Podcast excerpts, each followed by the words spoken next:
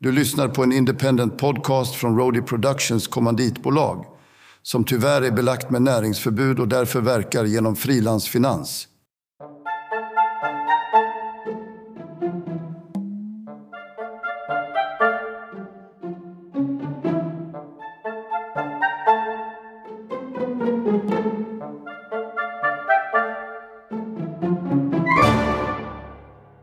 Välkomna till eh, Sveriges, en av Sveriges största indiepoddar. Det kan ju finnas fler. En indiepodd. Välkommen till en podd. Någon, vilken som helst. Eh, jag måste bara fråga. Vadå? Ja, men vem är gubbjäveln som pratar i introt? Du kommer ihåg på Perfect Day när vi levde, när vi var corporate, när vi hade pengar. ja. Det var ju Alex Schulman som pratade. Ja. Välkommen till, eller du lyssnar på en podd från. Och jag bad ju dig att lösa en massa kändisar innan du åkte till Chile. Som läste in det där. Jag misslyckades. Du vet att jag kontaktade Christian Lok. Men... Du gjorde det? Ja, ja, men han... Jag fick aldrig något svar där. Nej. Du var väldigt irriterad. Jag Nej. pressade dig. Nej, det var... ja lite. Du var, du var ju mycket att göra där, men du skulle ha liksom... Dagen innan flyg. Ja, du, du vill ha sju sekunders kändissnack. Eh, från någon stor kändis. Och då hörde jag av mig till Christian Lok som var, dels var han mycket bekymrad över att han inte hade sett mig på gymmet. Jag var ju väldigt orolig över att han hade slukat gå dit för att jag hade snaskat om honom i, i podden. Men han, det var han som tog upp frågan, så jag har inte sett dig på gymmet länge. Hur mår du? Och det, det är för Det att jag här, har det här är så här, som man har lärt sig på att hur man ska desarmera en stalker. Nej men, och då sa jag så här, du, eh, En kurs. podden, den här, eh, typ, eh, vi-podd, så frågade jag om han kunde spela in ett intro. Eh, men, Mm. Och han sa att han jättegärna hade gjort det, eh, men att han var bunden av eh, något kontrakt med SVT som omöjliggjorde Ah, han är det också här. corporate. Ja, han är också corporate, fast i public service-tjänst då. Så tyvärr är det Han borde bli indie som vi. Men det är, alltså, det är alltså kungen som, som läser in. Eh, Ja, den här gången är det kungen. Förra veckan var det, vad heter han vars son du är så förtjust i? hur fick de, kungen att göra det? Det hade varit lite jag att tro att kungen hade gjort det på riktigt. Att du hade dragit i Det hade någon, varit väldigt- någon, någon lina. Väldigt du. Vänta, du hostar fortfarande. Varför? Alltså, det här är, jag tänkte på det i veckan måste jag säga. Va, vadå? Ja, men jag lyssnar ju på, eh, jag lyssnar ju på podcasts här om kvällarna när jag ska sova. Eh, och då Ja. lyssnar jag på det här om orienterar-döden. Ja, just det. Klassiker på P3 Dokumentär. Ja, exakt. Eh, 90-talet, det var massa orienterare Mm. som coolade och då drog jag öronen åt mig för jag vet ju att du också är ute och springer. Även om du, du letar ju inte efter såna här bojar eller vad fan det heter. Ute i skogen. Jag springer från mig själv. Du springer för dig själv ute på liksom, Södermalms eh, blåsiga gator. Eh, men då, då fick de här sym- symptomen, de är identiska med det du har. Så jag är lite orolig att du trillar av pinn. Men alltså, vad var det vad var de dog av? Jag kommer inte ihåg, men det är någon sån här hjärtgrej. Jo, men det var ju liksom huvudvärk. Det var ju eh, alltså hosta som sakta, sakta eh, blev värre och kunde hålla i sig i liksom är jag. månader. Eller veckor och sen Ja. månader. Eh, ont i halsen, har du det? Ja. Ja, du ser. Eh, hes och eh, liksom att, att du förlorar, eh, gradvis förlorar rösten. Ja, det, det, det märker du. Jag har inte samma röst nu som när vi började podda. Feber. Ja, jättelänge har jag feber. Ja, low grade fever. Eh, eller, Ja! ja Sista veckorna har jag haft typ så här 37,5, 37,8 hela tiden. jag vet inte. Nu har jag det. Jag vet inte varför du liksom, okej okej, och så sista här, ska vi se om det är, eh, trötthet. Extrem. Extrem. Jag vill inte leva häromdagen. Och så lite, är så lite, lite snor som hela tiden rinner ur näsan. Mm. Mm. Det sjuka är att du låter ju väldigt glad, fast jag är liksom, jag har ju... Men jag väntar på svar från min doktor så kommer doktor Engman här innan. Ja. min, för jag var just doktorn i fredags faktiskt. Helt, jag borde fan börja Han sa att det var en mystisk bakterie eller något liknande som, har, som måste ha satt sig någonstans i halsen. Alltså, jag vet, vet du vad jag tänker på? Nej. Minns du... du i, i förra å- 2023, då var det ditt stora år när du liksom... Det var det här med ADHD och du skulle, Ja. du skulle ut i medierna och prata om det. Du skulle bli ansiktet utåt för den här nya superkraften du upptäckt liksom fem år efter om- alla andra. Om low grade fever menar du? Ja men nu, du är ju du är på väg att dö och orienterar döden. Men, men vad är orienterad döden? Ja, men jag har ju alltid trott att... Jag, jag, jag, som, jag somnar ju alltid när jag lyssnar på de här podcasterna, så jag kommer aldrig fram till det riktigt. men eh, det, det som eh, orienterar döden var, som jag förstår det, alltså nu, Som läkare? Ja som läkare, vad jag minns för, ja men det, det var väl, det är väl någon sorts liksom klamydiabakterie. Va? Ja. Så du har haft rätt hela tiden om att jag har klamydia i halsen? Och att morsan hade det? Ja! Och du, Du skojar? Nej, och nu är den på väg att ta dig. Jag ska googla här. Tvar hette det väl, tror jag. Ja, det Klamydia var det jag sa. pneumonia. Ja, som pneumonia. Det är helt sjukt. Ja, exakt. Jag har klammen i Jag vet. Nej, men och det, det som du... Minns du när Gunde, Gunde Svan, satt och grät i morgonsoffan och det blev liksom stora rubriker i hela Sverige? Och sen började han gråta i varje morgonsoffa efter det. Ja, exakt. Men det han hade alltså, det var klamydia i halsen, precis som du. Alltså han hade varit med morsan. Ja, kanske, kanske. Han är också pigg i det, Det är därför han duschar så ofta och så snabbt. men det är ju ett nytt år nu. Ja. Och jag tycker att din ADHD var ju, liksom, det var ju 2023. Men här, här liksom gör jag ett uppslag att liksom ta tag i den mediala taktpinnen direkt. Vi skulle lansera bok snart. Det är bara Jag två vet. månader kvar. Ja, så jag, alltså, jag tycker vi, vi redan nu... Vi har, ju, vi har ju kontakter på TV4, morgonsofforna. Ska vi runda där- vår, vårt PR-jon, Lars Johansson?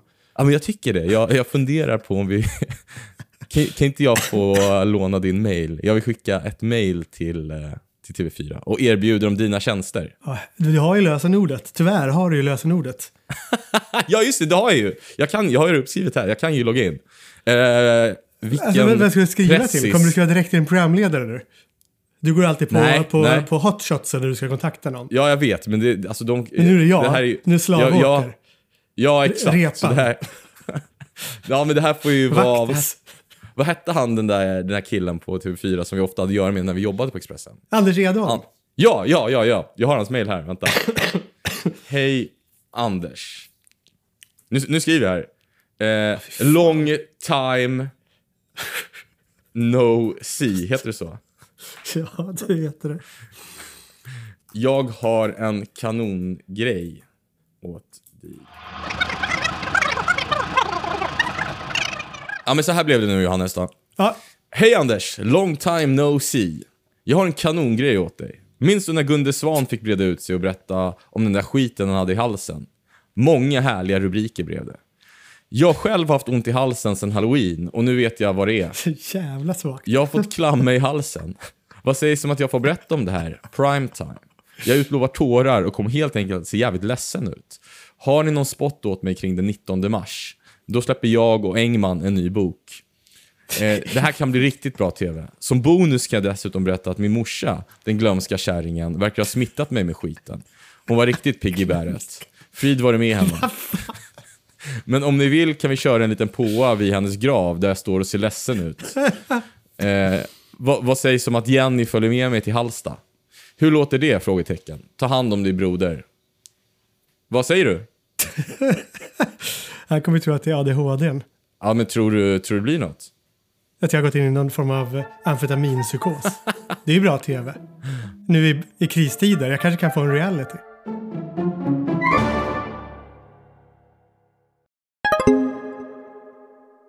Vi är sponsrade av våra vänner på Nextor igen, Pascal.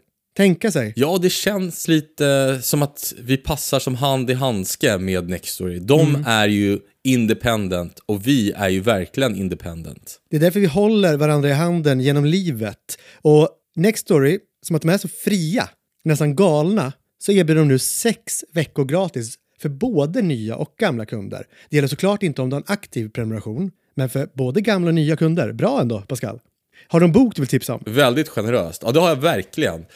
Den här veckan har jag läst Don Winslows Muren hos Nextory och där kan man både läsa och lyssna på den. Och det rekommenderar jag alla att göra för att det är ja, men kanske den bästa thriller som jag någonsin läst slash lyssnat på. Den högre än Samira Viktor-boken du skrev där på en, en pisskvart. Den du vann Nextory-priset för. Nej, Det var för X jag vann Nextory-priset. Du menar den mest fängslande e-boken 2023? Den kan ni också lyssna på, alltså Samir och Viktor på Nextory. Sex veckor gratis för både nya och gamla kunder. Och ni hittar erbjudandet på nextory.se Pascal Johannes. Tack Nextory! Vi älskar er, Nextory. Som du vet är jag sen, eh, vad är det, två veckor nu eh, tillbaka i Chile. Det är jag bekant med. Ja men vad bra. Vet du att min, eh, jag är så brun nu så att min eh, telefon inte kände igen mitt ansikte när jag försökte betala en räkning häromdagen när jag skulle knappa in bank-id. Skojar du? Nej.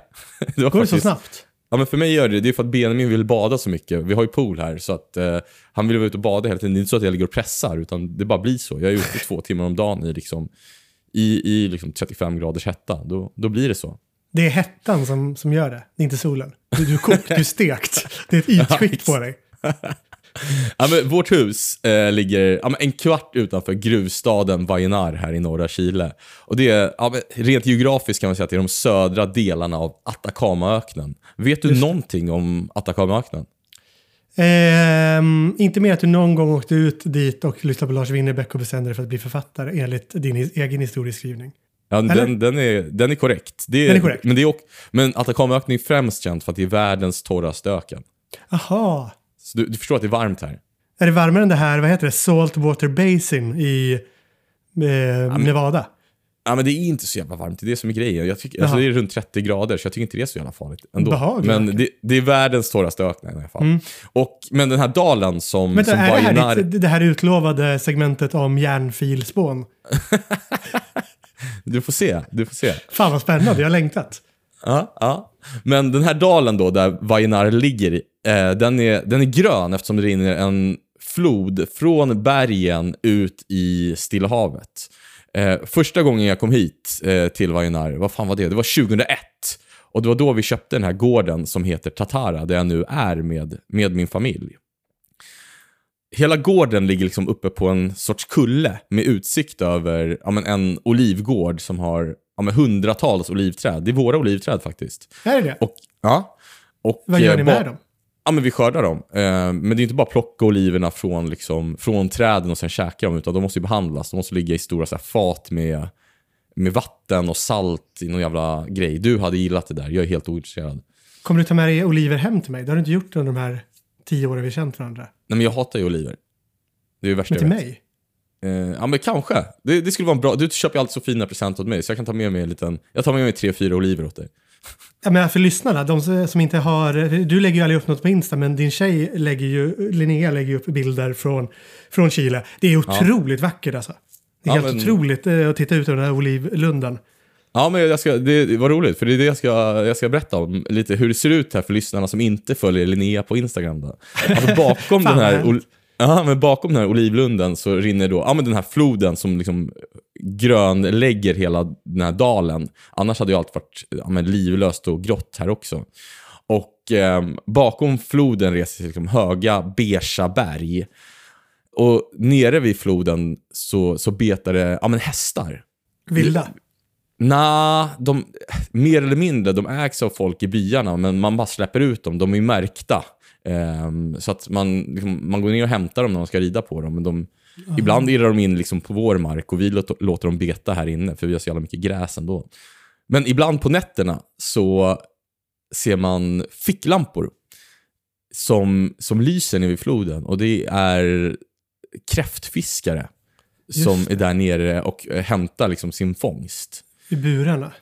Ja, jag vet inte fan om de använder burar här, om det måste de göra på något sätt. Jag har aldrig varit där nere eh, och, och fiskat kräftor på natten. Men det man ser uppifrån huset när det är, när det är natt, det är liksom de här ficklamporna som spelar över landskapet där nere. Och för att man ska veta att det inte är tjuvar som är här för att överfalla en. Vet du, vet du hur man liksom identifierar eh, dem då?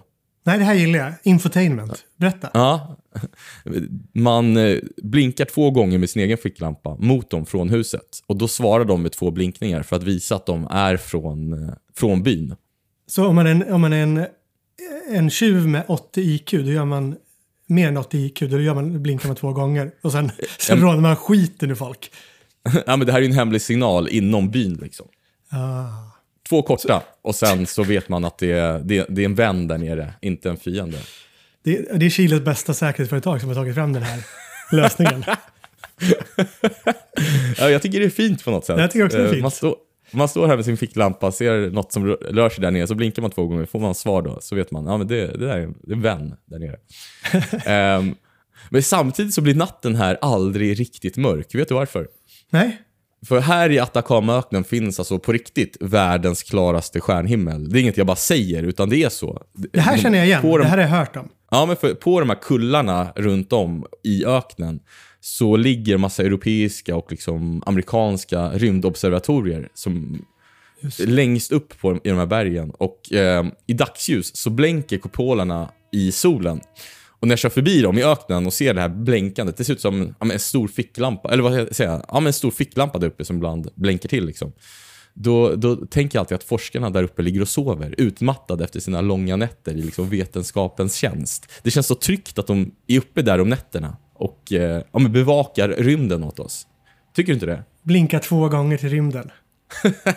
Ja, jag, jag tror inte de har ficklampor. De har väl några enorma teleskop där uppe. Ja, men det är Nej, men, fint. och, alltså, ja, men stjärnhimlen här uppe, den är, alltså, den är något helt otroligt. Det går max 10 minuter mellan stjärnfallen. Står du och kollar upp på himlen i liksom 10 minuter, då ser du en stjärna dö på, på himlen. Känns som att Linnea önskar sig någonting varje gång. Eh, du vet, vi, alltså, ja kanske. Jag vet inte. Sig, hon är inte vaken Eh. så sent. Nej, hon, hon, är, hon, hon har ju varit här kanske totalt ett år av sitt liv under de år hon varit tillsammans med mig. Men jag tror hon har sett stjärnhimlen kanske tre gånger. Hon är helt ointresserad av den. Det är mest jag som är där ute och, och är melankolisk och dricker öl när hon har somnat. Kommunicerar med kräftfiskarna. Ja, exakt. Sitter och vakar över min mark. Ingen aning om att alla är tjuvar. Har lurat dig.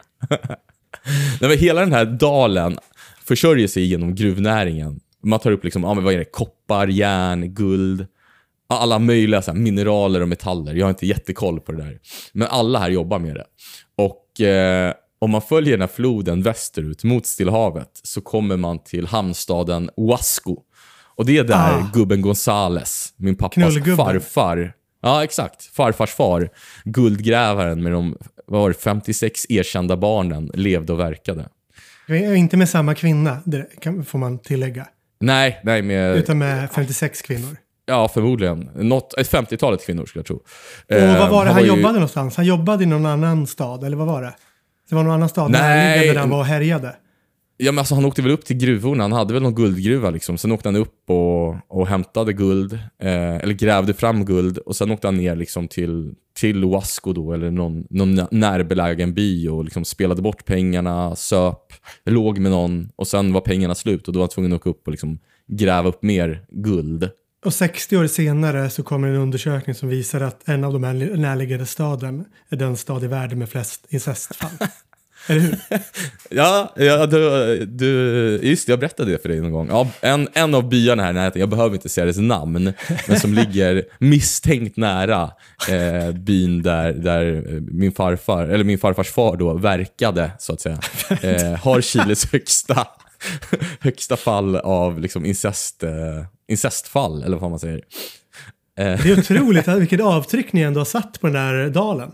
Ja, nej men alltså i de här byarna, så vissa av dem, de riktigt små, så är jag nog liksom släkt med uppåt ja, 75% av befolkningen jag ser på gatan. Det, det finns någonting i det som, jag, som skrämmer och fascinerar. Men på ett sätt så måste jag säga att jag är fan mer hemma här i Tatara och Vainar än någon annanstans på jorden. För den här dalen... Ja, men jag tror det. Den här dalen har ju varit mitt liksom, andra hem i 24 år. Det är längre än jag bott någon annanstans. Det här huset har jag Mm. ju bott i, liksom, ja men vad är det? Ja, 20, 23, 24 år nu. Jag, I Starris bodde jag i, vad var det? 10 år. I, i Lappis, där jag liksom är född, bodde jag i 6 år. Och sen har jag flyttat runt en jävla massa på Stockholms andrahandsmarknad liksom, och bostadsmarknad senare. Så att jag, liksom, jag har ju aldrig bott lika länge någonstans. Jag har ingen lika stark relation som jag har till det här huset någon annanstans i världen.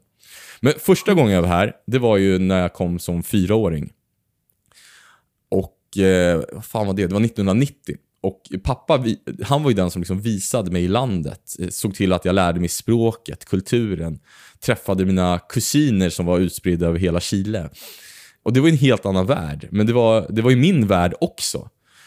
Samtidigt var det en värld som behövde en förklaring, en, en sorts guide. Och i mitt fall då, 1990, så var det ju min pappa.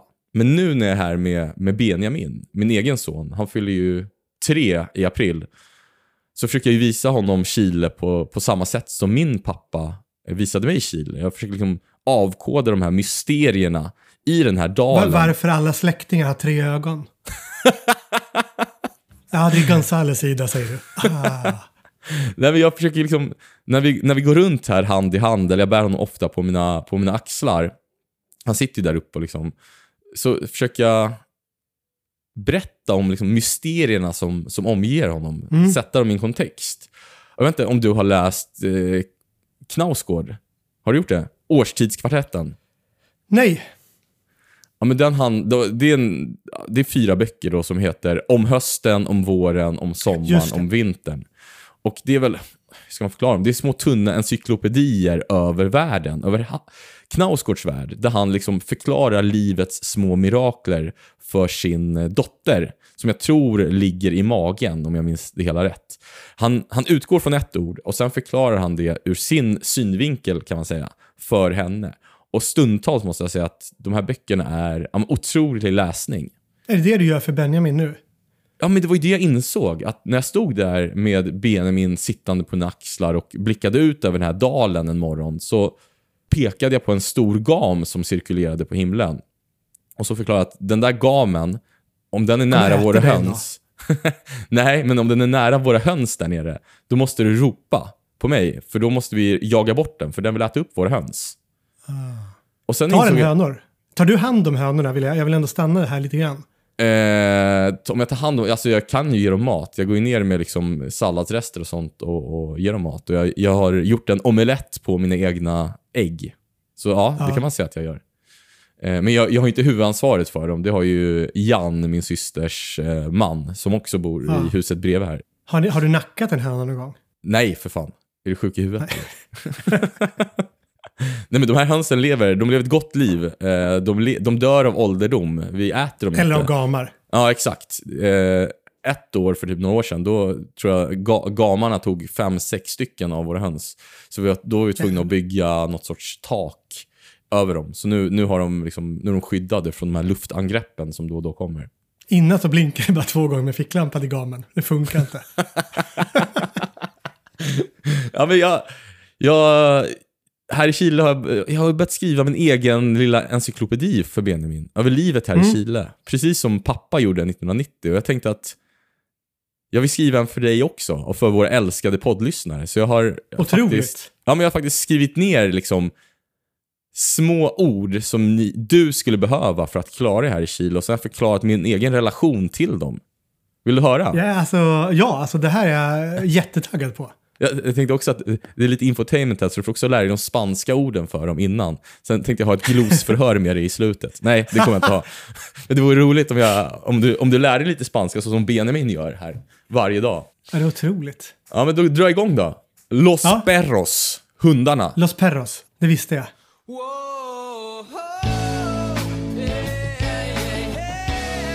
Ja, men här i Chile så finns hundarna överallt i liksom alla former, storlekar och färger.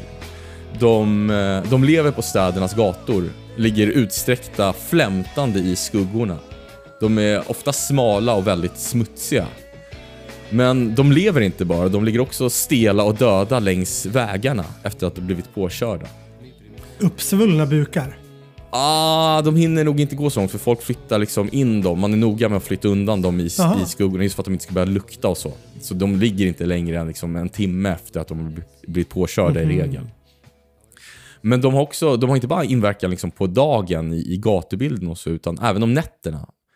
Hundarnas liksom ylande ljuder nätterna igenom var man än befinner sig i Chile. Och för liksom en pojke som älskar djur, vilket de, ja, de flesta barn gör, så blir man ju helt ja, men förälskad i de här hundarna. För de, de finns ju överallt. När jag först var här 1990, då adopterade jag små gatuhundar hela tiden.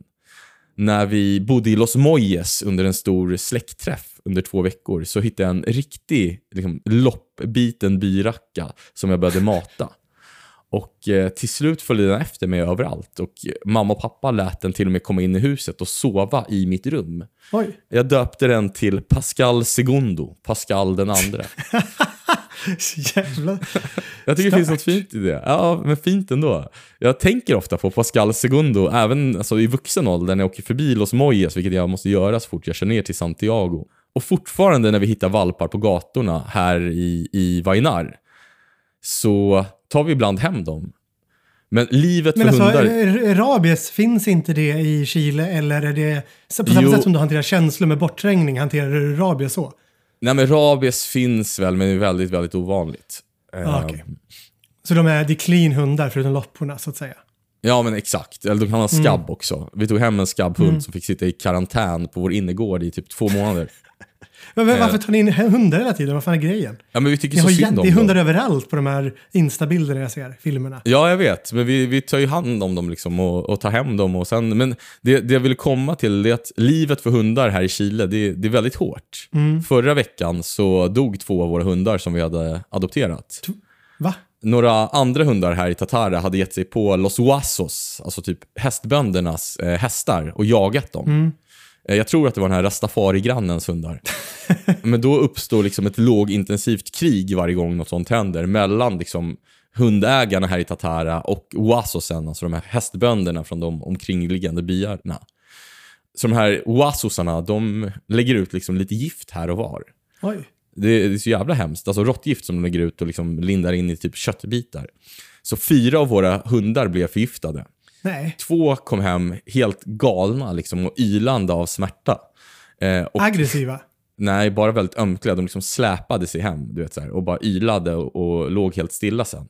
Men German, som han heter, som jobbar här på, på Tatara, han är någon form av liksom allt i allo. Eh, han jobbar för min syrra. Han, han vet ju hur sånt här ska behandlas. Så han tvingade på något sätt i dem liksom mjölk och tvål så att de skulle börja spy.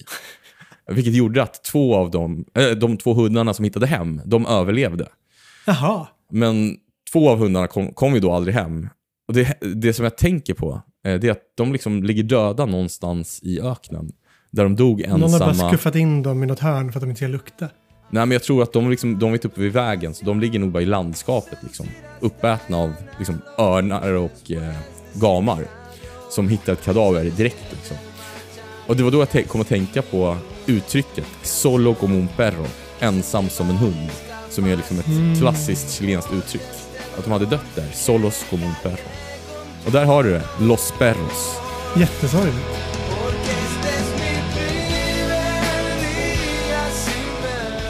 Säger du det till Benjamin? Att alla dör ensam som en hund? Nej, jag, säger det till dig, det här är ju vuxen, det här är ju min Ah, vuxen... Ja, det kommer jag få lära sig sen. Mm, Ja, exakt. Då kör vi nästa. Elmar, havet. Från eh, Patagonien i söder till den peruanska gränsen i norr är det 430 mil. Och ja, som jämförelse kan jag säga att det mellan Sverige och Spanien är 240 mil. Mm. Så hela Chile, jag vet inte om du Ett streck. Ett brunt streck på kartan. Ja, lite så. Hela Chile är ju liksom en enda lång strand som i öster har um, Anderna, den här magnifika bergskedjan, och väster om sig har Stilla havet. Har du badat i Stilla havet någon gång? Eh, nej, men det är väl ehm, jättevågigt, eller? Det är extremt vågigt och kallt. Alltså utanför kusten, i stort sett överallt, finns det liksom blåvalar, delfiner, späckhuggare och sjölejon. Eh, pingviner. Jag har ju fan visst i LA har jag badat i. Det är fruktansvärt. Höga vågor och kallt som satan. Ja, och, men här är det ännu kallare. Vet du varför? Nej. Det, det finns något som heter Humboldt-strömmen. Det är en ström som för med sig kallt vatten med väldigt låg salthalt från liksom de södraste delarna av Stilla havet upp mot ekvatorn. Vilket gör att vattnet utanför Chiles kust är eh, det mest produktiva ekosystemet som finns på jorden. Nästan en femtedel av världens fiskefångster har sitt ursprung i den så kallade Humboldt-strömmen.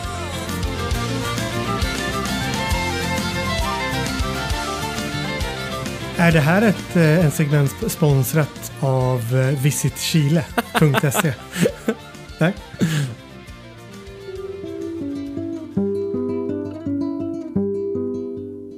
Nu kommer La Corruption. Korruptionen. Det, du har varit väldigt enkla ord för att jag ska hänga med här. Det är lite klar, Chile klartext edition. Ja, exakt. All, allt för dig och våra älskade lyssnare. Nej, men för att till exempel få en bil att passera kontrollbesiktningen här. Vet du hur man gör då? Alltså det känns ju som att man bara postar lite pengar till den som fyller i det här på eh, transport... Vad heter det? Vägverket är. Ja, du hade rätt om pengarna, men det är enklare än så. Man lägger 20 000 pesos, drygt 200 kronor, i liksom mittkonsolen och sen bara går man ur bilen. Så man måste sen, köra dit eh, i alla fall. Ja, men det måste man. Och sen godkänns liksom vilken skrothög som helst. Fan vad smidigt. Ja, det är Har smidigt. ni, vad har ni för bil där? Har ni en skrothög? Eh, nej, vi brukar låna min lilla systers eh, Mitsubishi. Eh, som är jättehärlig, en, en SUV. Mm. Så den kör jag, Linnea och Benjamin runt i. Men kanske är det inte hela Chile där korruptionen är så utbredd. Men, utan just i liksom den här dalen där alla känner alla. Eh, och jag kan berätta hur det liksom fungerar, för uppe i en av grannbyarnas eh, väldigt små och enkla hus finns ett, ja, men, ett större hus där liksom tre, fyra superfina bilar står parkerade. Och eh, när jag åkte förbi där med en kompis så frågade jag bara, hur, hur har den här killen råd med, med de här bilarna egentligen? Och varför bor han här om han liksom är så rik? Han bara, men det här är ju den lokala droghandlaren. Han bara, om nätterna så är det inte bara eh, de här bilarna som står här, utan då står också polisbilar utanför. Jag bara, vadå, för att de är där för att gripa honom? Nej, nej. Han har jättebra fester som polisen är alltid inbjudna till.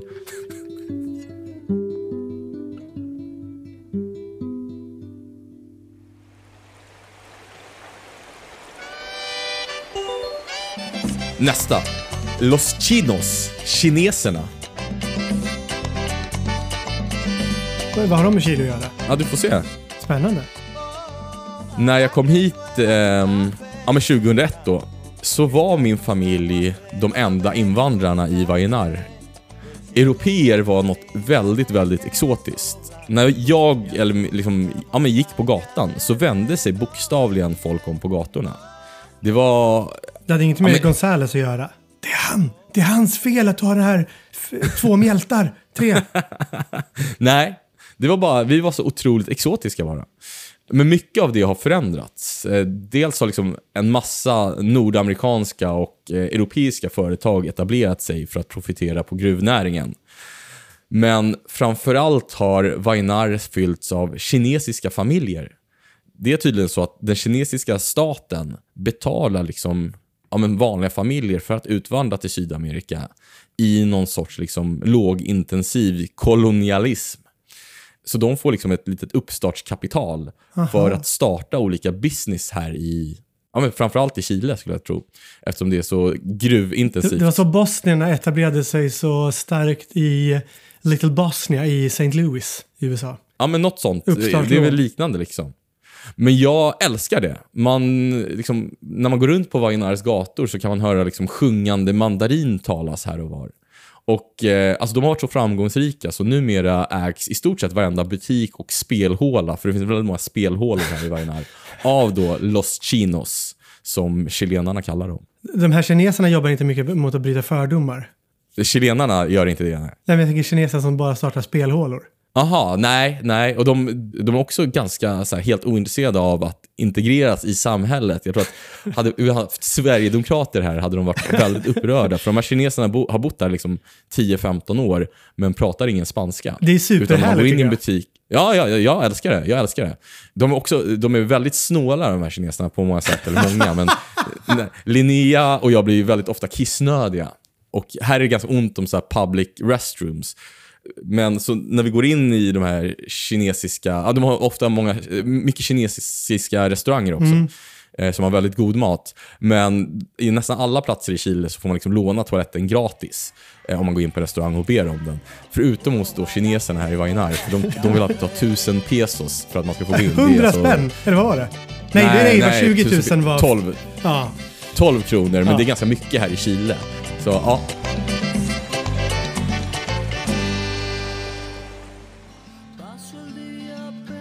Nu är det nästa då. La Muerte. Döden.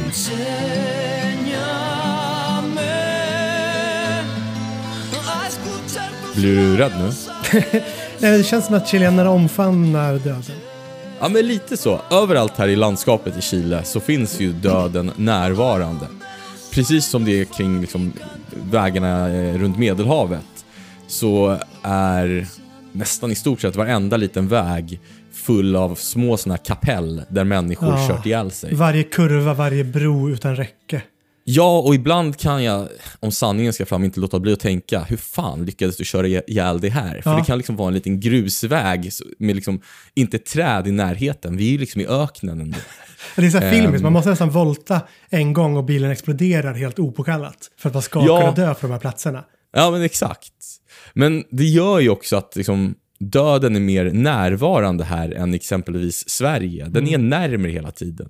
Sverige är ju väldigt bortstädad döden. Den syns inte riktigt. Ja, men och sen begravningarna här sker ju också med öppen kista. Jag minns när ja, men min farbrors fru, eh, blir det, Stella, dog 2001.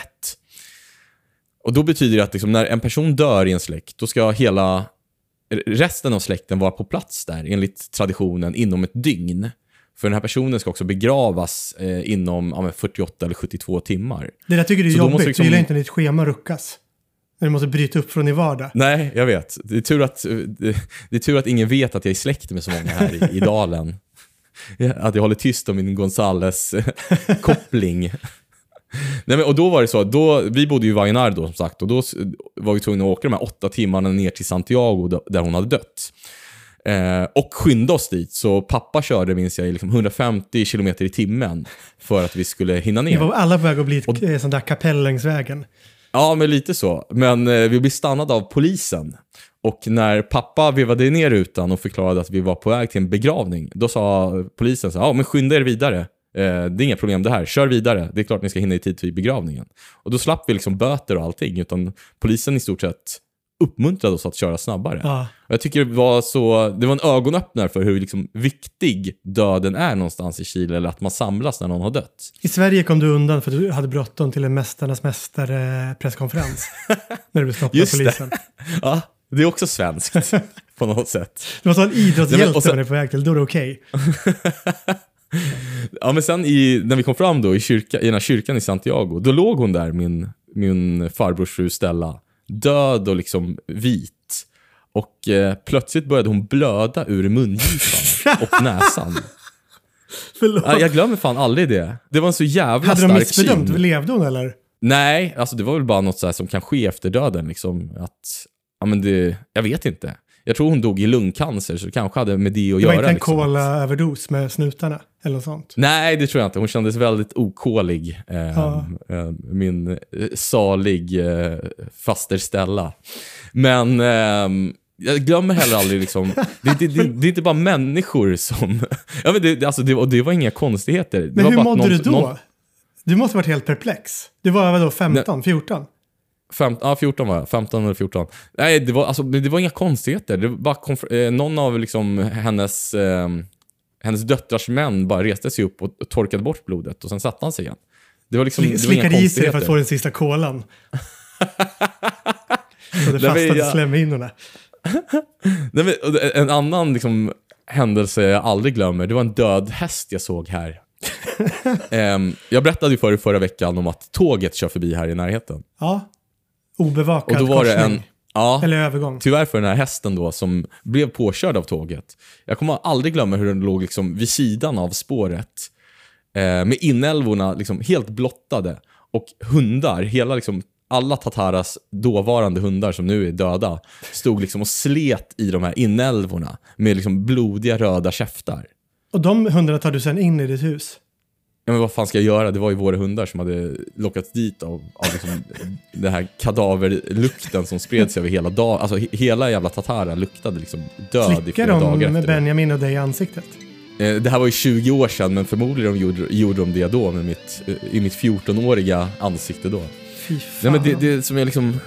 Det vill få fram det är att döden är närmare här. Livet Ja. är skörare. det tycker jag är liksom, fint, det gillar jag. Ja, det är en mindre manöver att förlora livet här. Mm.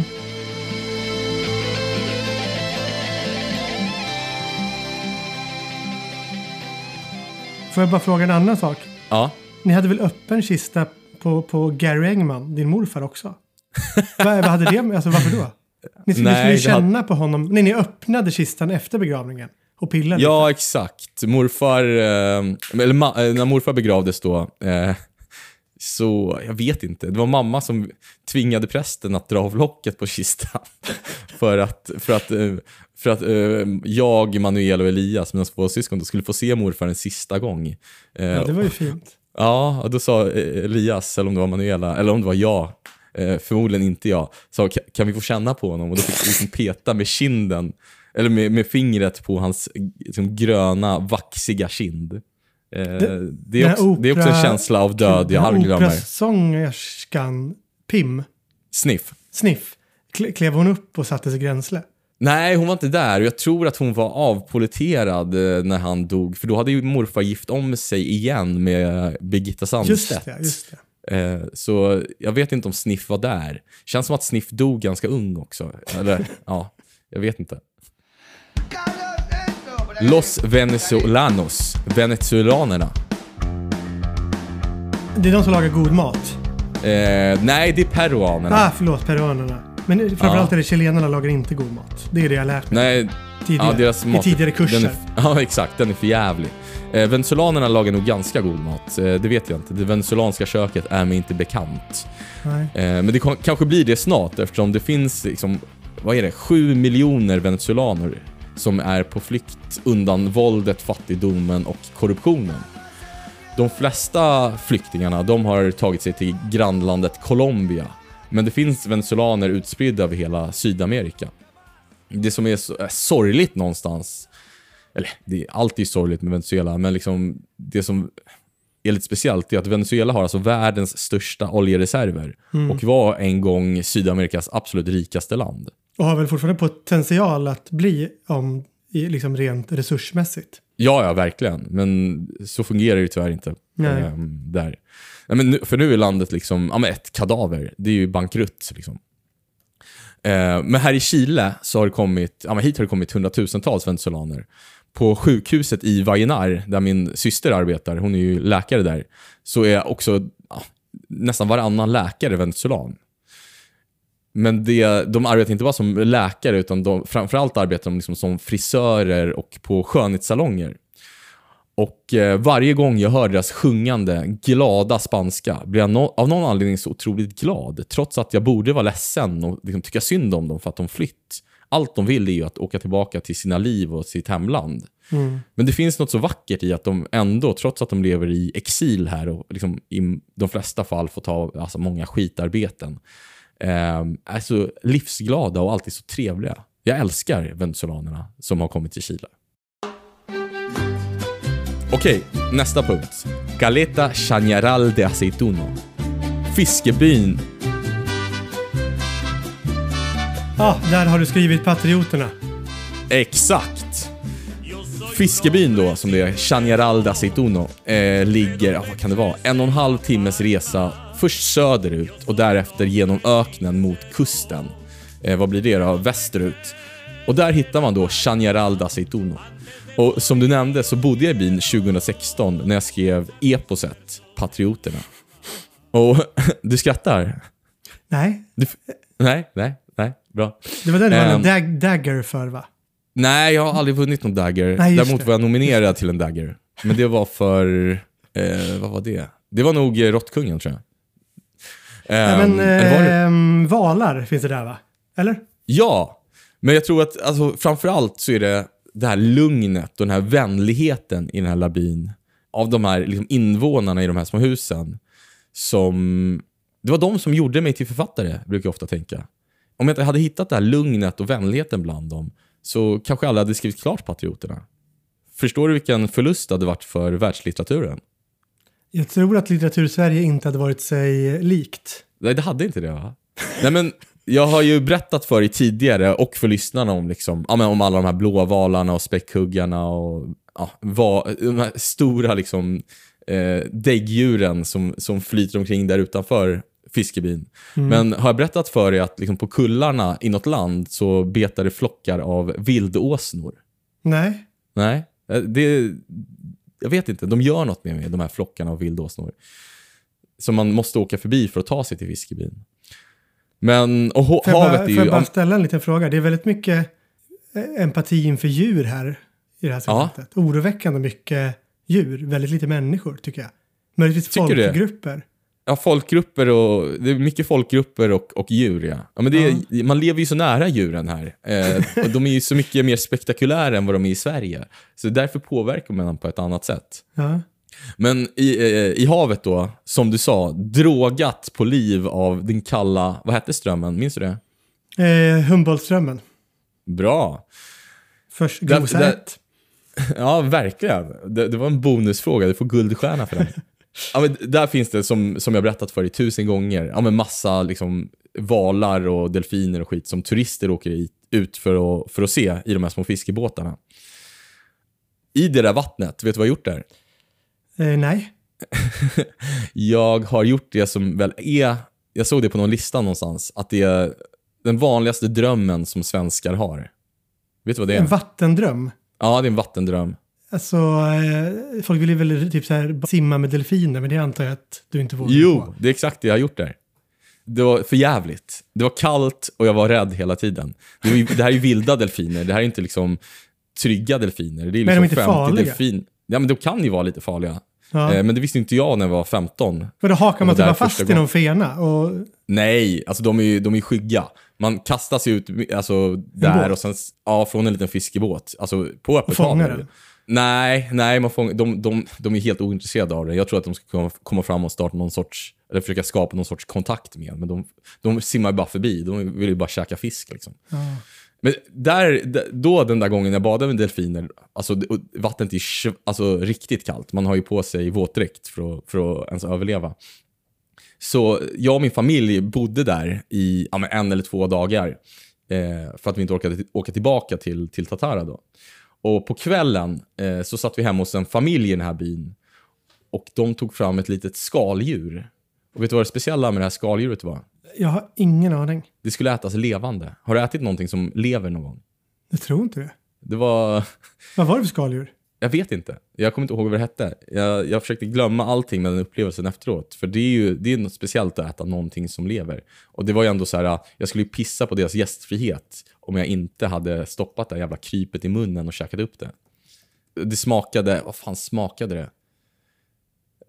Man hällde liksom citron på det också, så att det smakade mest citrus. Men det var ändå vidrigt att veta att man med, liksom, med tänderna avslutade det här lilla krypets liv. Jag, jag hittade det här tror jag. Orange. Ja, exakt. Orange-rött. Är det det, eller jag tror det. Är det det som är det, nej vänta. Poor man's Viagra? var det någon sån här Gonzales-tradition eller någonting? Nej, jag tror inte det. För det var ganska, alltså, Chañar Aldacetono ligger utanför Gonzales land, så att säga. Ja, men sen tog den här familjen fram en eh, speciell sorts chili som skulle vara liksom, den starkaste i hela Chile. Och då, då sa jag nej. Men Där gick gränsen. komp- Ja, där gick fan gränsen. Du vet att jag hatar starka saker. Men min kompis Viktor, som var hälsade på mig från Sverige och var med oss, han ville testa. Och jag kommer aldrig glömma, han tog en tugga och sen svalde han den och så sa han, inte så farligt. I samma stund som han uttalade, det är inte så farligt, så blev hans öron alltså alldeles röda. Det var som du vet en sån här serietidning när man ska liksom, när någon äter något väldigt starkt så blir hela ansiktet rött. Men i hans fall var det liksom bara öronen som blev knallröda. Och han kastade sig upp från bordet, sprang ut och jag kunde höra honom kräkas mot fasaden medan alla andra skrattade. Och efteråt kunde han inte tala på ett dygn för hans tunga var liksom helt avdomnad. Fan. Gav ni honom tvål och mjölk då? Den chilenska medicinen. Det borde jag ha gjort, men jag tror han faktiskt fick mjölk att dricka efter det. Sån här färsk getmjölk som de typ tog direkt ur spenarna på geten och, och serverade lägger sig dem under spene bara.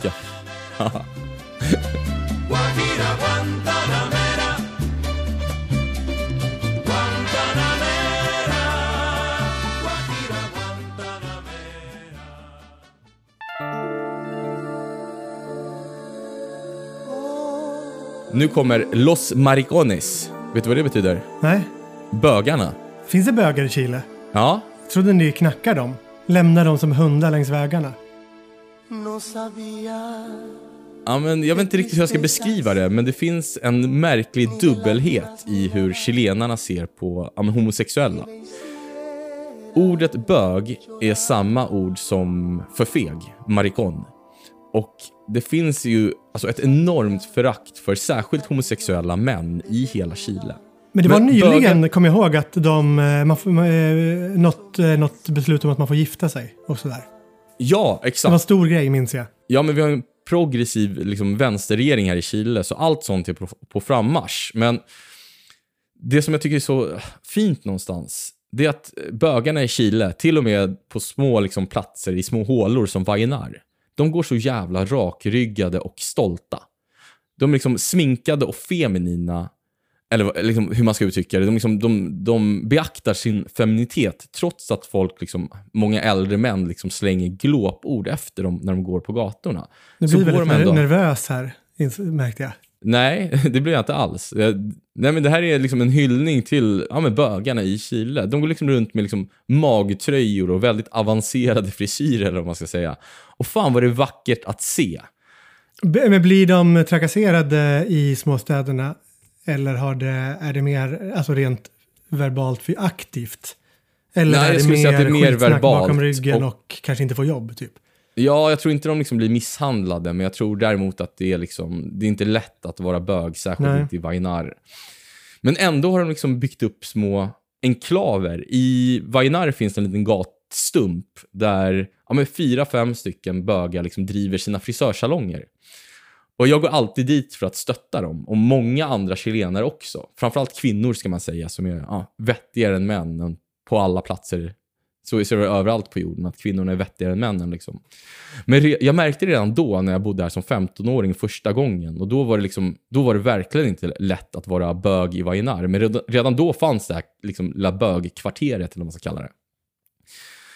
Eh, men jag märkte hur liksom, institutionaliserat böghatet var Mm. i min klass. För jag hade en klasskompis som heter Freddy, stavat med Y. Alltså Y som yxa. Mm. Och en gång när jag råkade stava hans namn med IE, då blev han alltså helt galen. Han började så skrika på mig.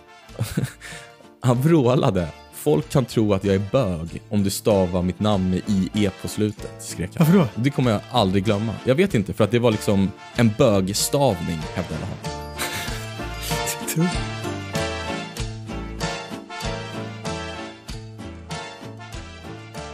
Okej, nu är det bara två kvar här. Nu är det ännu en folkgrupp jag ska pissa på. Los Missionarios Yankees. De amerikanska missionärerna. Blir du nyfiken nu? Nu blir jag spänd.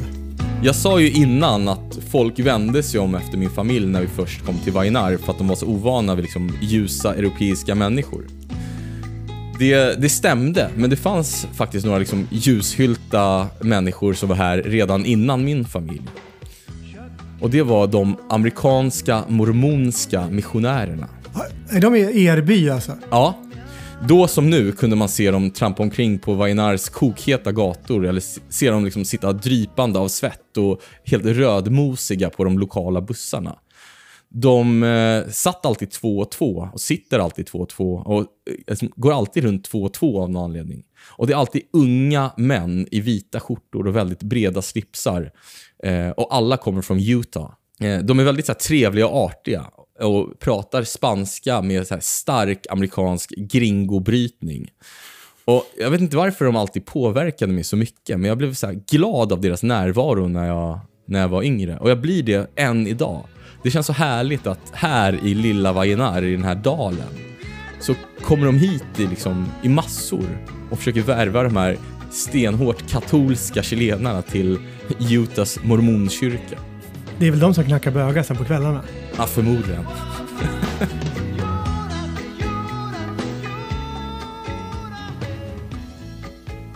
Okej, och nu kommer vi till den sista här då. Spännande. Ja, Har, får jag bara fråga, har du någon kontakt med, det är mest kontakt med djur, har du kontakt med mormonerna?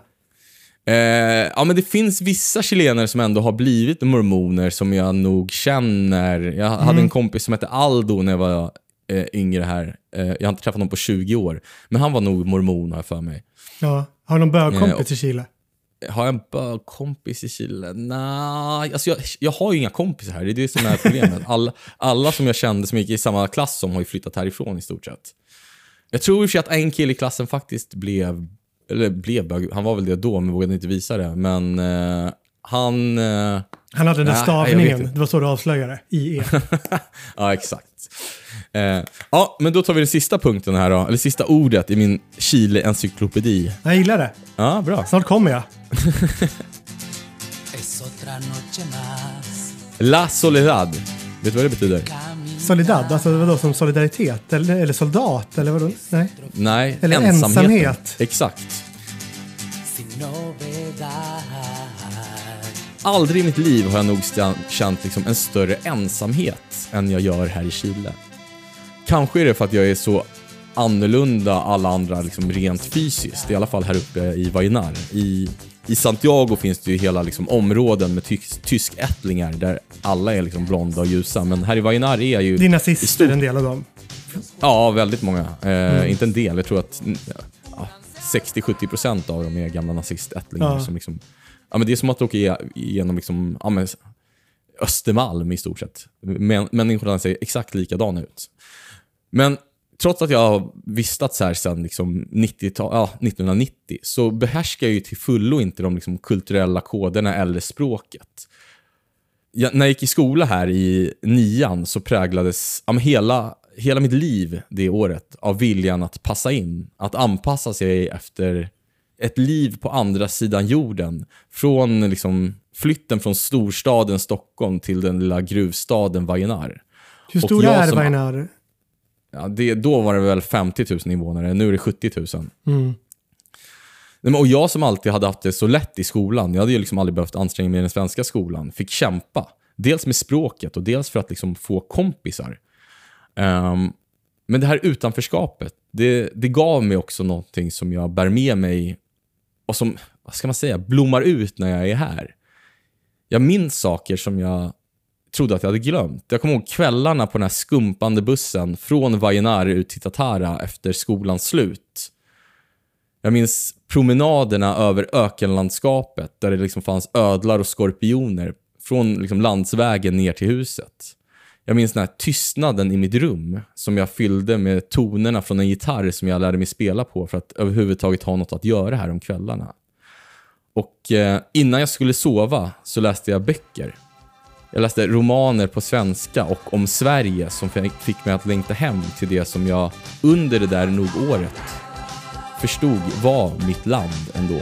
Hur mycket jag än försökte liksom passa in i Chile. Så ensamheten här i Chile, den gav mig något annat. Den gav mig Sverige och svenskheten. Du blev ensam som en hund. Ja, till slut blev jag det.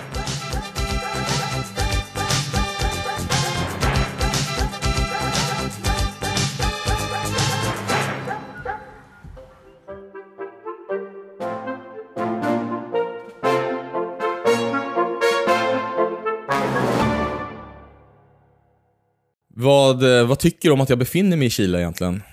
Alltså det är ju det är lite tråkigt att vi aldrig hörs någon gång. Förutom Ja. den här tiden, klockan 14 svensk tid varje tisdag eller onsdag. Och 10 chilensk tid då? Ja, eh, och du är alltid väldigt orolig för det här med tiden. Tidsskillnad, det är väldigt komplext.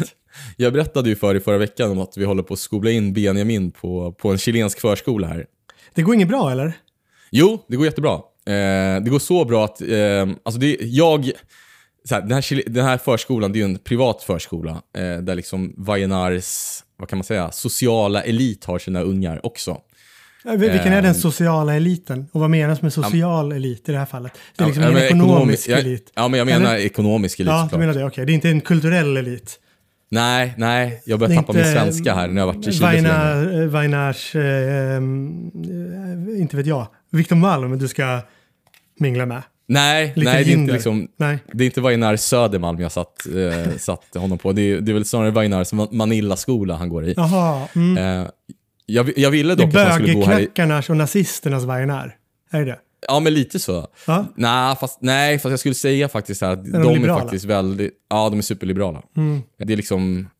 De, de har väl samma mentalitet som liksom LA-svenskar ungefär. Ja, de i och för sig brukar tappa det efter två år och börja hata svarta och sådär. Ja, ja, sant. Nej, men, eh, jag ville ju egentligen att han skulle gå eh, på förskola här i grannbyn. Dels för att det är gratis och dels för att jag ville att han skulle se riktiga Chile. Men eh, Ja. sen eh, insåg jag att den, den förskolan är stängd över sommaren. Så han går i någon sorts sommarförskola med de här rika eh, ungarna. Men det, det går väldigt bra för honom, så nu har han alltså blivit inbjuden till ett barnkalas i helgen. Och då trodde jag att ja, det var bara att skicka dit honom en present, tänkte jag. Men eh, här är det liksom stora, stora fester, så vi ska ut till någon hacienda, jag, Linnea och Benjamin. Eh, där vi ska ja, fraternisera oss då med, med eh, Vajenars ekonomiska elit. Alla är såhär, ja men Och det måste ha en dyr gruvägare. present då, antar jag. Ja, det måste jag verkligen ha. Och, Hur eh, men- Alltså vad, är dyrt med eh, chilenska mått? Eh, ja, det vet jag fan inte, men det, det kommer nog kosta det här. Det kommer kosta för det är ju Det här mat blir spännande, det vill jag följa. Ja, jag, jag skulle helst slippa för att eh, problemet är att jag, jag hatar ju att mingla. Och Linnea är ju alltid den som sköter sånt åt oss när vi är i Sverige. Jag står mest och liksom, eh, ja, försöker prata med henne och hon försöker prata med andra. Eh, men eh, här i Chile så är det jag, hon kan inte språket, så det är jag som kommer få ta liksom, det sociala. Och det är både hon och jag väldigt, väldigt nervösa för. Så att Och du måste tolka åt henne hela tiden. Ja, exakt. Det är som Magda med mig i Bosnien, fast hon skiter ju bara i tolka. Hon bara jag- låter mig sitta där. Ja, men jag är väldigt bra på att tolka. Jag, jag, jag, jag försöker få henne att vara inkluderad, men eh, vi är väldigt nervösa inför det här. Eller framförallt jag är väldigt nervös inför det. Du hade ju behövt eh, mig där. Ja, det, ja, det hade jag verkligen. Du, du, hade För att vi kunde stått i ett hörn tillsammans. du vet att när, på tal om att vara exotisk europeer i Chile, när jag och eh, när min kompis Kim Jensen, Jensen? handbollsspelare Kim, var här och, och hälsade på mig, då hade min mamma något sorts eh, turistföretag här. Och då, då spelade de in eh, en nationell tv-reklam som skulle gå sändas i hela Chile. Och då, behövde, då skulle de spela in en scen uppe på ett av bergen här, där de behövde liksom amerikanska turister som, som föste kossor på häst. Så då fick Kim hoppa in som statist och låtsas komma från Texas. och eh, sä- säga att eh, he liked riding the Chilean horses, eller någonting. Eh, Men vem var den här riktad till? Den här eh, reklamen? Till chilenare? Nej, ja, till chilenare som skulle komma hit eh, för att de, de, eftersom de älskar allt eh, liksom, amerikanskt, europeiskt. Ah, så... Så- han var liksom en amerikansk stamp of approval. Exakt, och den här, den här reklamen rullade alltså i, i Chile på, på de kommersiella kanalerna i typ tre år. Så, du, så han, är, han, han är lite av Chiles Marlboro Man Jag blir lite sugen på att köpa reklam i Chile, i tv. Är det dyrt? för podden. Jag vill bara köpa reklam överallt. Ja, men så, så du, du skulle förmodligen göra succé här. Men vad var det du skulle säga, hur, eh, hur mår Dino, din son? Nej, men han vill inte sova. Eller, jag har egentligen... Det känns nästan fel att berätta det här. Vadå? Eh, nej, men han har ju alltid lyssnat på Babblarnas vaggvisa för att sova. Men, men nu har ju han Ja. blivit gammal nog att inse att det är, en, det är sömn. Det är inte bara att ligga och mysa lite. Alltså han blir arg när han hör den. Inte Ja. Doddo skriker han. Sluta Doddo. Eh, bort Doddo kan han säga väldigt aggressivt till, till den här Sonos-högtalaren. Men sen en kväll så klättrar han ur sängen och så kom han gående till mig när jag satt, när jag stod, det var nyårsdagen kanske, stod och värmde några rester från vår nyårsmiddag och så sa han lyssna pappa bok. För eh, jag inser ju då att alla gånger jag har sövt honom som bebis, alltså hela livet, har jag ju lyssnat på gamla Wallander-böcker Ah. för att komma in i, i så här 90-talsstämningen när vi ska skriva våra 90-talsböcker. Till Mina mördare och så vidare. Ja. Och det är ju tryckt ljud som man har lärt sig. Alltså någon som läser en deckare. Vilken bok spelar du för honom då? Spelar du din egen eller, eller får jag också en del av kakan här? Nej, men jag spelar min... Alltså, jag, det är det som är det hemska. Jag går in och spelar min bok. Det är inte att jag sätter på Wallander-deckarna som man har växt upp med. Vem är det som läser dem? Det är någon, jag inte minns namnet på, det är Sauk och några till. Men, men jag spelar min egen bok om och om igen. Så du sitter och Alltså- tjänar pengar på läggningen helt enkelt?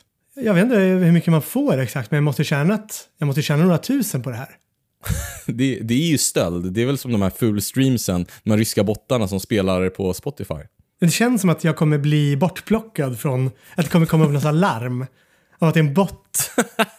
att det är en rysk porrbot som har gått in och spelar. Att Johannes har köpt, han, han köper inte bara reklam, han köper ryska podd, porrbottar som spelar hans, hans, hans bok om och om igen. Men att man har köpt så mycket reklam, han har heller inte råd att köpa mer än en porrbot. Men kan jag bli bortplockad? Är det ett brott på något sätt? Är det bedrägeri jag sysslar med? Jag vet inte, men jag vet ju att du, du är ju ganska ohederlig, eh, måste jag säga. Du, du har ju. Inte på- För, Vadå? Nu blir jag nervös. Vad- ja, men du, du har ju berättat för mig att du liksom... Du har ju inte alltid tagit fullt ansvar när du står vid självskanningen i olika butiker. Du hade ju en period när, där. Det var ju ungefär När jag samtidigt var Anders som... Övergård. Ja, och det var ungefär samtidigt som han blev gripen. Det kanske, det kanske var det som liksom... Eh, det var, Jag det, måste ändå säga att det var längre tillbaka i tiden än så. var det Det var det? inte länge sedan. Det var inte en his, det liksom inte... Det var inte under djurperioden. Det var, det var inte när jag kom till Chile för första gången. Nej, det var inte. Det var några år sedan. Ja, men det började med... Jag vet inte fan. Det började med de här påsarna. I självskanningen. Att jag slutade skanna dem. och sen, sen om någonting inte funkade, då bara sket i det för att jag var stressad. Det var när jag jobbade så mycket. Ja. Och sen i några brinnande veckor, precis som i min, mitt, när jag var 11 och snattade med min kompis Krisse, vars pappa var bankrånare i, i, i, Danmark. Han fick 500 spänn i veckopeng på 90-talet. Otroligt bra veckopeng. Ehm, då jag liksom rycktes med i det här i några brinnande veckor. Det var fruktansvärt. Jag kunde bara Men- inte sluta. Det var ju inga större summor. Det var ju typ ett tuggummipaket. Men jag hade två veckor som Anders Övergård. Men du vet att det här du berättar nu, det gör ju att du kan bli, alltså... Anders Övergård åkte ju fast för att de, liksom, de hade ju koll på honom. Nu när du har berättat om ditt bedrägliga beteende, nu kommer du ju ha, ha butikskontrollanter efter dig när du vandrar runt i, liksom, på ICA Hornstull. Precis som jag hade i Hallstahammar 1999 efter att jag gick till snatteri. Varje gång jag gick in i butik så plingade det. Och så var det någon som började följa, så sa de, de sa något så skumt, något kodord och så började de följa efter mig. Det var helt fruktansvärt. Jag googlade också ut Chrisse Dundermycket, skrev en lista på allt vi stal och allt Chrisse stal. Fy fan. Nej, men alltså, jag, jag känner ju sån här skam. Inte gentemot en jävla ICA-ägar-miljonär att jag stal grejer för 100 spänn totalt. Alltså, det handlar ju om tuggummi-paket och plastpåsar trots allt. Under några veckor. Men, men jag kände ändå så jävla skam. Alltså när jag gjorde det. Har du, har du snattat för det första? Ja, när jag var tio så snattade jag Ja, du croissanter här- på Du Vivo-butiken. snattade tjejer. Snattade tjejer? Du snattade till tjejer väl? Suddgummin Ja, just det, just det, just det. Det gjorde jag också. Ja, men då var jag sju, åtta, tio. Ja, det var det jag och Chrisse gjorde också. Date, den här parfymen snattade vi. Men, men, men jag tänkte på det när jag, när jag såg, eh, vad heter det här programmet, Stjärnorna på slottet. I helgen kanske det var. Carolina af Ugglas var med där. Hon är väl, vad är hon? Är hon artist? Ja, men det var väl. Tv-människa? Jag, jag har ingen aning. Ja. Eh, hon, eh, hon berättade om, hon är inte jättesympatisk, hon framstår inte jättesympatisk där. Om man nu kan göra det i Stjärnorna på slottet. Men hon berättade om när hon var 24 år gammal och kommer in på en klubb, typ Sturecompagniet. Och sen är vi på damernas på Sturecompagniet. Jag och två kompisar. Så ser vi en skylt och så står det varning för ficktjuvarna. Det är vi! Och mina polare bara, är det? Ja, det är det. 15 minuter ser jag så här, den som har flest vinner. Det är en tävling Pernilla! Ja, Caroline. Nu ska Nu gäller det! Hur många plånböcker får du på 15 minuter? Har du gjort det här förr? Du bara, nej. Är du med? Ja. Ja. Knacka på axeln, kolla fågeln. Plånbok, det går skitsnabbt. Så att vi möts ju efter en kvart och jag har hur många plånböcker som helst och de har varsin.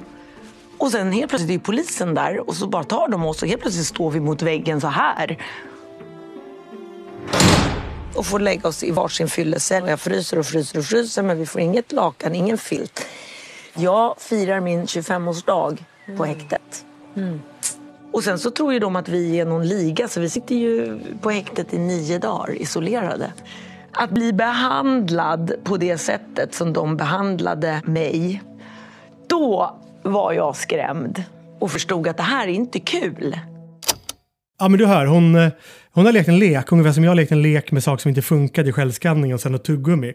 Om jag hade blivit gripen med det här tuggummipaketet, då hade jag väl ändå inte, jag hade väl inte varit så ifrågasättande kring att polisen tog mig, eller? Nej, och sen framförallt hade de inte suttit, vad var det hon sa, isolerad i nio dygn. Det låter Isoleringscell i nio dygn. Det låter ju som lite av en skarvning. Det går emot varenda, liksom, varenda svensk lag som finns i hur man ska behandla ja, men, häktade personer. Eller om, om Alltså, det bryter i och för sig väldigt mycket mot, eh, mot, mot, mot de här reglerna. Alltså, vi, vi är väl bland de sämsta i världen på, på eh, hur länge vi håller folk häktade. Ja, Eh, absolut. Men, får ju- isolerade. men men, men, inte för kanske för att isolerad- stjäla någon plånbok tror jag inte. Nej, och ingen får ju sitta isolerad i nio dagar utan att ens få gå ut. Så man har väl, jag tror en timmes rast när man sitter i isoleringen i häkte, på häktet i alla fall. Det, var, det är ju det är inte dundersympatiskt det här. Att, att hävda att hon, är så, att hon blir så otroligt dåligt behandlad. Att de här snutarna inte förstår att hon är...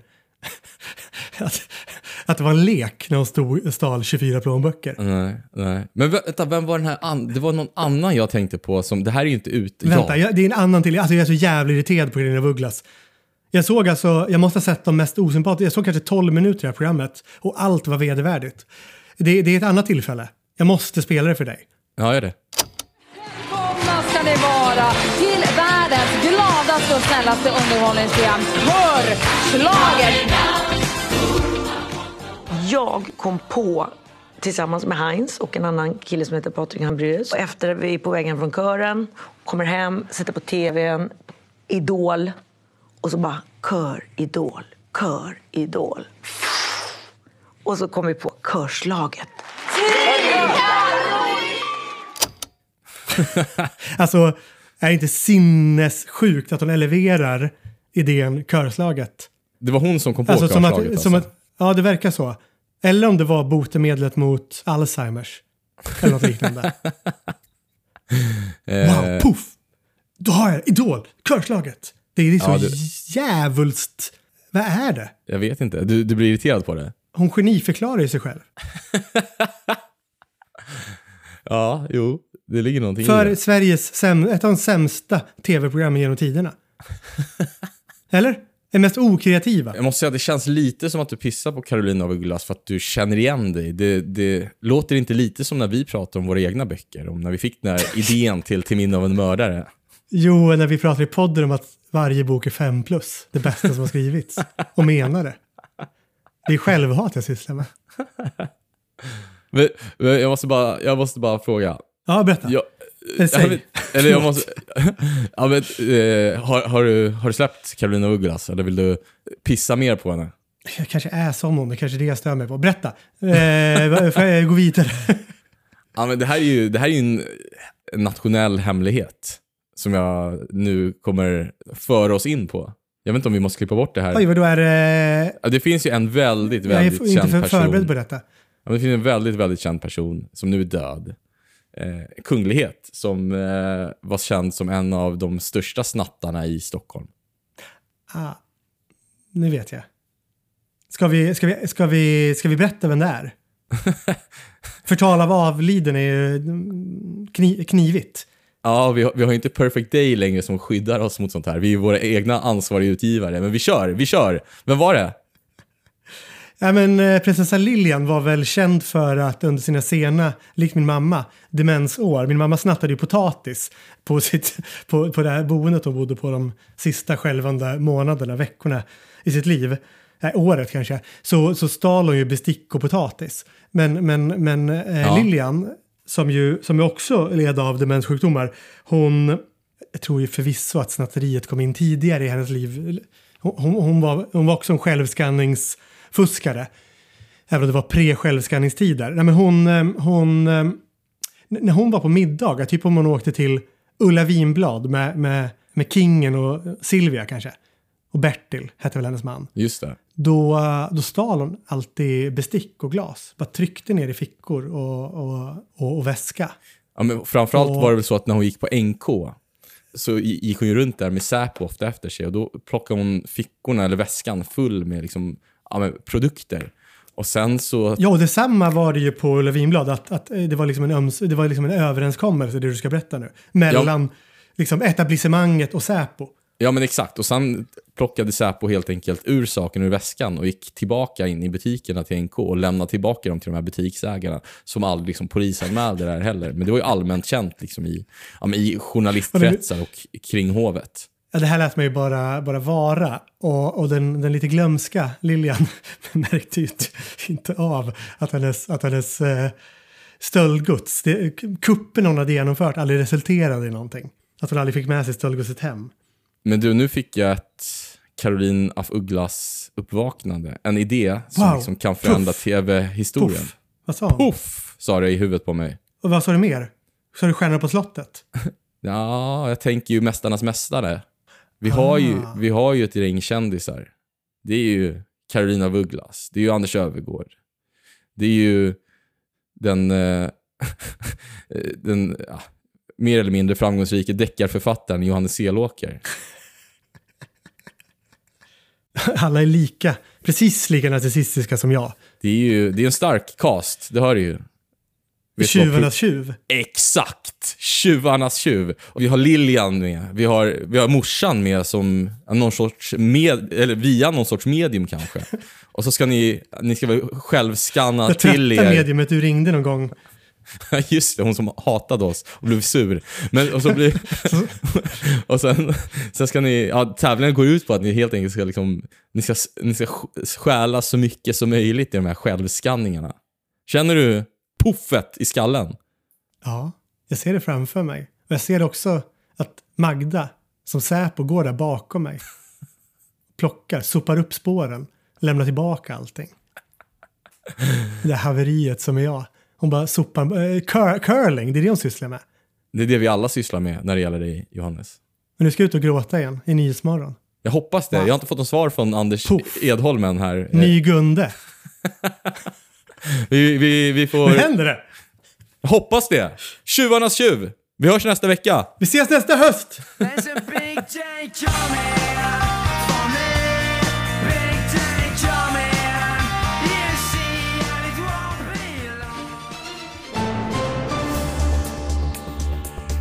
Välkomna till den första säsongen av Tjuvarnas tjuv. Programmet där fem mer eller mindre kända narcissister gör upp om vem som är tjuvarnas tjuv. Är det silverkleptomanen och prinsessan Lilian som får titeln? Eller kommer pokalen, en gyllene kofot, att hamna hemma hos Anders Öfvergård eller Carolina af Ugglas? Två profiler som genom åren visat en sällsynt förmåga att vägra ta ansvar för sina egna brott. I andra ringhörnan finner vi Slavåker och hans glömska morsa som medverkar genom mediumet Berit, en riktig ruggugla. Där har vi en match i matchen. Kommer Slavåker lyckas bräcka Caroline af Ugglas när det kommer till att skylla sitt brott på någon annan stackare? I Slavåkers fall hans ömma mor. Som ni ser är det bäddat för dramatik när svensk offentlighets absolut mest patetiska brottslingar möts. Det enda vi vet är att det inte kommer bli några fyllemiddagar den här säsongen eftersom Slavåkers morsa redan innan lunchen druckit upp hela säsongens spritförråd. Välkomna!